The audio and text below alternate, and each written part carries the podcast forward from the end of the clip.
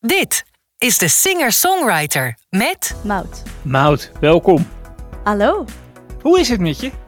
Ja, gaat goed hoor. Met jou? Ja? En met mij gaat het ook wel lekker. Dank je dat je het vraagt. Er vraagt eigenlijk niemand aan me. Ik vraag het altijd aan mensen, maar er is nooit iemand die aan mij vraagt hoe het met me gaat. Maar met mij gaat het ook goed, dank je wel. Nou, nou fijn Eh, te horen. Eh, Mout, laten we gewoon eens even bij het begin beginnen. Wie is Mout? Eh, nou ja, ik. ik ben Mout. Eh, nou, ik ben eh 20 jaar. Ik woon op het moment in Enschede. En ik eh, studeer aan de popacad- popacademie eh, van Artes Conservatorium. Je zegt ik woon op dit moment in Enschede. Dat betekent dat je niet uit de regio komt dan? Nee, ik kom niet uit de regio. Nee? Ik eh, kom uit Gouda. Uit Gouda. Een Goudse kaas. Ja, uit Ja, de ik, ik, ik ook Mout, dus dat maakt allemaal Oh niet ja? uit. Ja joh. En wij zijn hier toch voor ontwikkelingssamenwerking in het oosten gaan wonen. Ja, ja. precies. Ja. Eh, maar- goed, je, je bent naar het conservatorium gegaan hier in Enschede. Heeft, is dat een bewuste keus van je? Ehm, nou, als ik heel eerlijk ben, was het niet een bewuste keus aan het begin. Nu wel. Maar ehm, ik had. Ik wilde. Ik wist eigenlijk helemaal niet van Enschede af aan het begin, eh, zeg maar voordat ik hier kwam.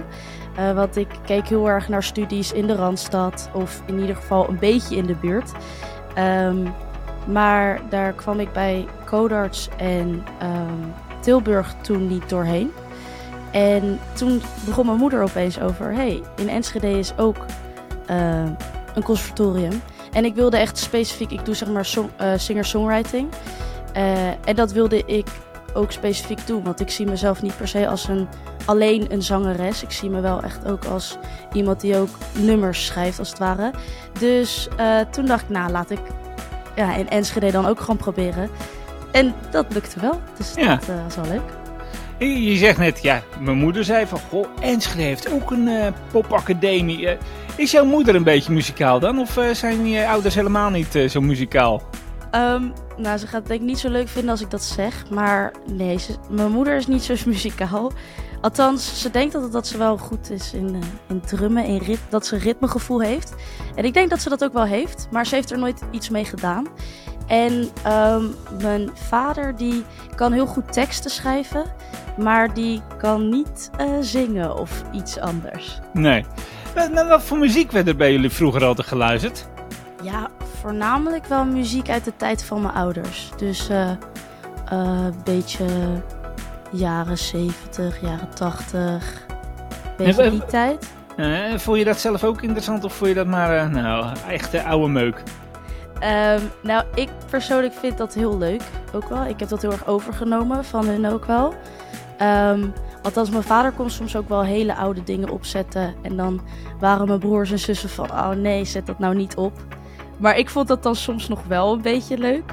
Ehm, maar ja, ik weet niet. Ik vond ja, de muziek die zij altijd opzetten altijd wel leuk.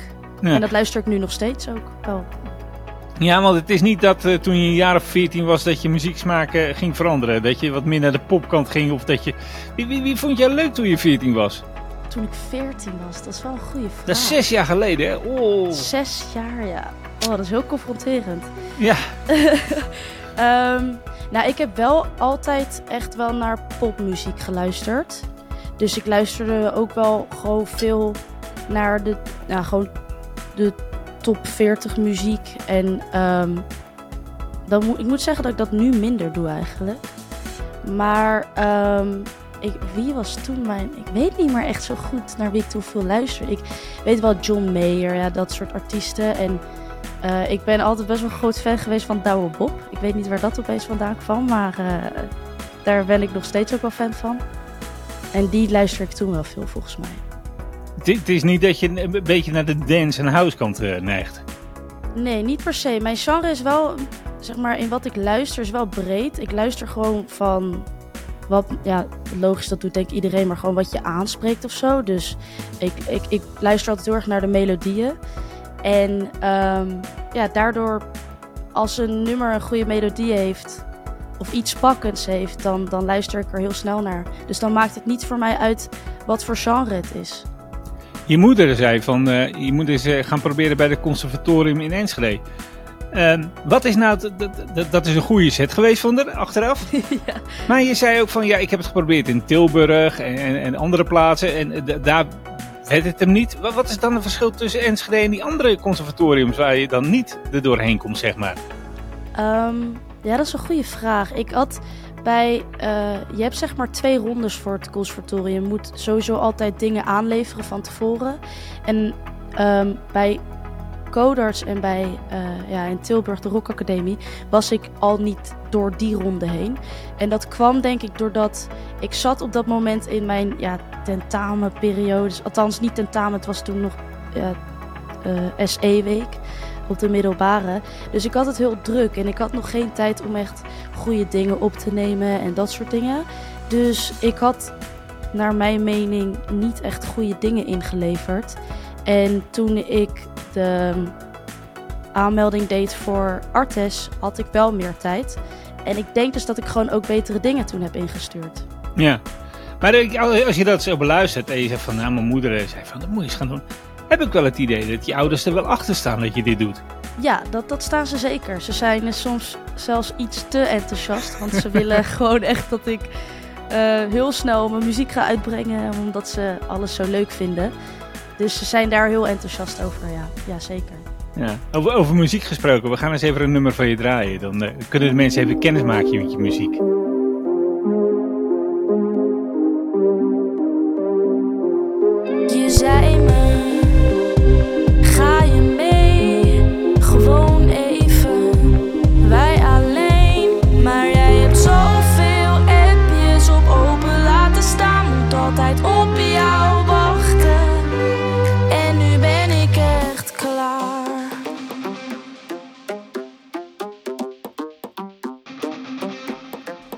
Je zei me, ik doe het niet, ik doe het niet meer. Het is je geraden, de laatste kans, de laatste keer. Want ik heb zoveel nachten daar alleen gestaan, moet altijd op jou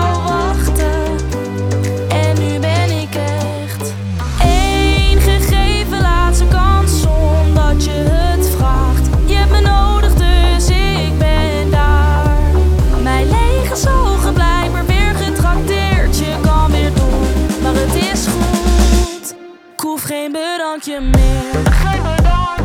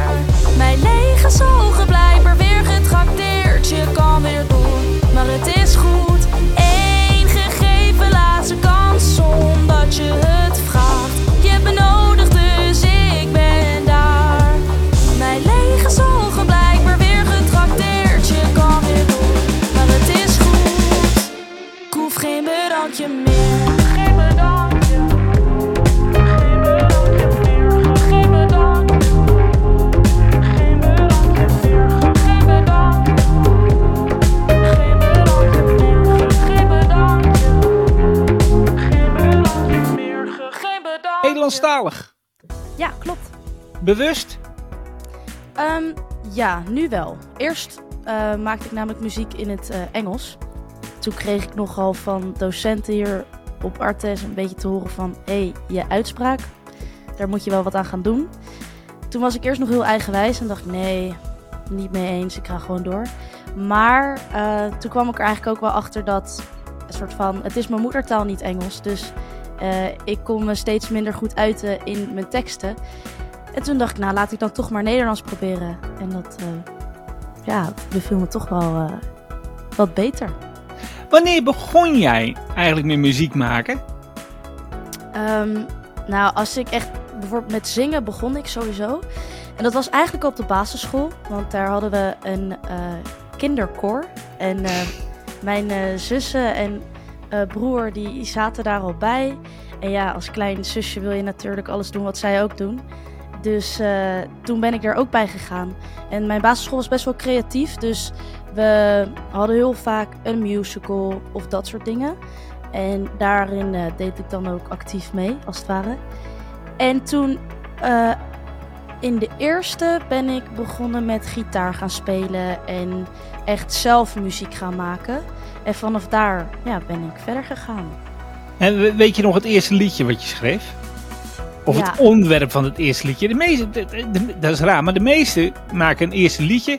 En dan gaat het toch altijd over de liefde. En het gebroken hart. Dat het uit Ja. is met een vriendje of vriendinnetje. Was het bij jou ook zo? Nee, nee. Nee? Ik, ik heb. eh, ik schrijf over het algemeen niet heel vaak over de liefde. Zeg maar met. Ik, ik hou daar nooit zo van. Want ik. Ja, ik weet niet. Ik, ik schrijf gewoon ehm, graag over wat ik op een moment voel. En nu ga ik niet zeggen dat ik nooit verliefd ben geweest. En dat, maar ik. eh, ik had altijd een beetje, omdat er zoveel over liefde wordt geschreven. Dat ik daar een beetje tegenin eigenlijk wilde gaan. En dat dus niet wilde doen. Waar, waar gaan jouw nummers dan wel over? Nou, eigenlijk gewoon. Sommige nummers zijn best wel wat. Wat hebben wat nuchtere teksten. Eh, zo heb ik bijvoorbeeld laatst een. eh, eh, een liedje geschreven. over het geven van nou, tegengas. Ehm, dat is trouw- trouwens, ja, dat gaat misschien wel een beetje over de liefde, maar niet over dat ik dat ervaar. Maar meer gewoon het grappige, vind ik altijd bij ehm, van die datingprogramma's. Dat de vrouw altijd uiteindelijk zegt: Sorry, ik, ik wil een beetje tegengas. Dus daar heb ik toen een nummer over geschreven. En dat zijn een beetje nuchtere teksten die ik kan schrijven. Maar ik vind het ook soms wel fijn om gewoon ehm, wat serieuzere dingen aan te kaarten. Zoals eh, ja, het gevoel dat je bijvoorbeeld helemaal alleen ergens voor staat. Maar dat hoef je helemaal niet te zijn. Of eh, iemand je. Of ook wel vaak gebaseerd op frustraties. Eh, dat je bijvoorbeeld. Dat iemand eigenlijk een hele erg energiezuiger van je kan zijn. En eh, dat je daar dus. Ja, gewoon, gewoon een laatste kans aan iemand geven. Dat soort Ja. dingen. Ben, ben, je- ben je makkelijk in schrijven van teksten? Nee. Nee, nee. Nee? Nee, Het- ik, het- Het is niet dat je er even voor gaat zitten en dan eh, de- de- het uit de pen rolt, zeg maar. Nee, ik heb dus ehm, melodieën, die komen er zo uit. En die vind ik ook heel leuk om te bedenken. Maar als ik dan de tekst moet schrijven, dan zie ik dat toch altijd wel als een opgave. Ja? Ja, ja. Qua concepten bedenken voor waar, waarover ik wil schrijven, dat gaat me allemaal wel makkelijk af. Maar dan daadwerkelijk opschrijven ehm, over het onderwerp wat je hebt bedacht, dat vind ik dan toch wel vaak eh, lastig. ja. Schri- Schrijf je nou altijd alles alleen? Of omdat je dan zegt van ja, dat vind ik toch wel lastig? Of, of zeg je van nou, ik vind het met z'n tweeën of met z'n drieën mensen met elkaar schrijven, vind ik dan toch wel wat makkelijker? Ik heb dus, ehm, nou vaak, ik kan soms wel met mijn bandgenoten ook wel nummers schrijven. Maar die helpen me dan voornamelijk met eh, de akkoorden, progressies, dat soort dingen. Ehm, maar teksten schrijf ik wel vaak alleen. Maar mijn vader helpt me ook wel soms. Die heeft wel met een paar nummertjes ook geholpen. Omdat hij dus best wel goed in teksten schrijven is. En ik vind het wel fijn als mensen me helpen met tekst inderdaad. Dat, eh, dat kan nooit kwaad. Ja. Je, je zegt net al, eh, ja, mijn band, eh, bandgenoten die, die helpen dan af en toe mee. Hoe is het nou om een eigen band te hebben? Ja, het is, ik vind het helemaal geweldig. Dat is voor mij ook wel een reden geweest waarom ik ook naar het conservatorium wilde gaan. Niet dat je geen band kan richten eh, als je niet op het conservatorium zit, maar meer omdat je dan toch de mensen om je heen hebt. En ik vind het gewoon heel fijn, want het is ook. eh, ik ben gewoon heel hecht met mijn band. We zijn echt een vriendengroep. Het voelt eigenlijk een beetje als een familie. Ja? Ja. Eh, du- dus je leert wel van ze, constant. Oh ja, zeker. Ja. En we geven het ook zeker aan elkaar aan als we het ergens niet mee eens zijn. Dus eh, elke repetitie leer je wel wat. Ja, Ja.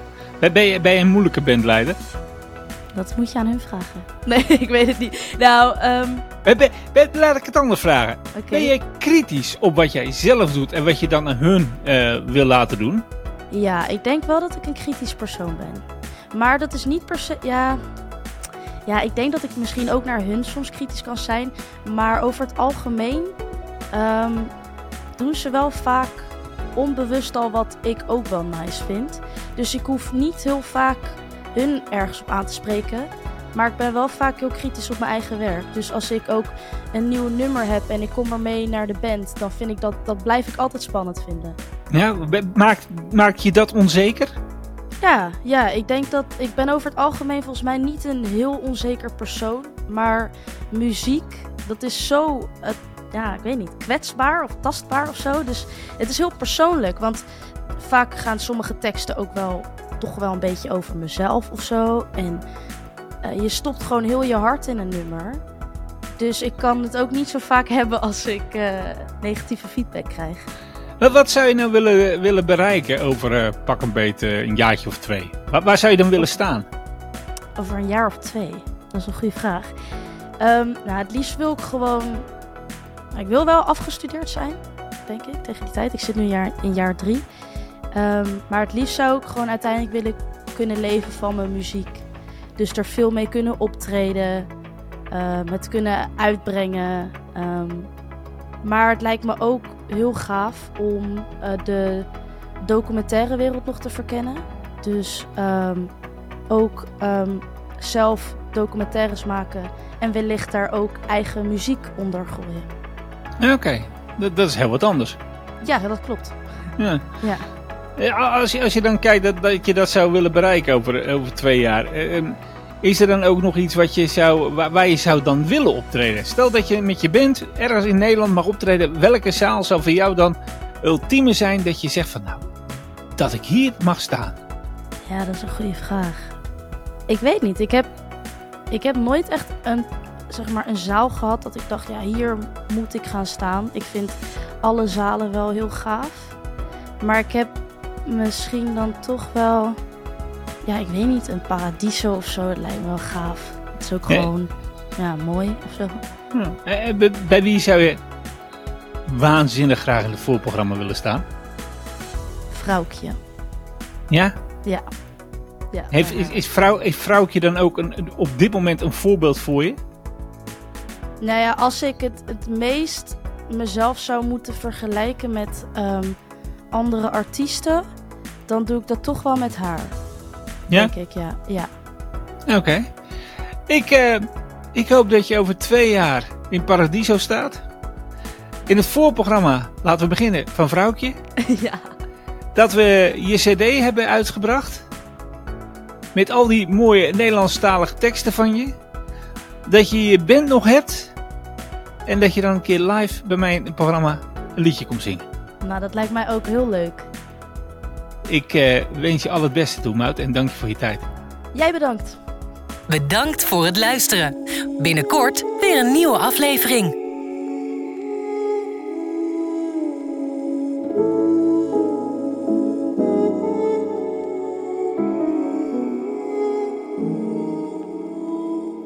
Ik heb gedaan wat jij eens van mij vroeg. Toen nog koppig, dus wist niet wat ik ermee moest. Al zou je me haten, nee, ik zag het niet in. Ik was nog onbezonnen, niet bewust van de waarheid. Al die regels niet begrepen, dat is wat blijkt. Toch maar geluisterd, altijd eerder moeten zijn.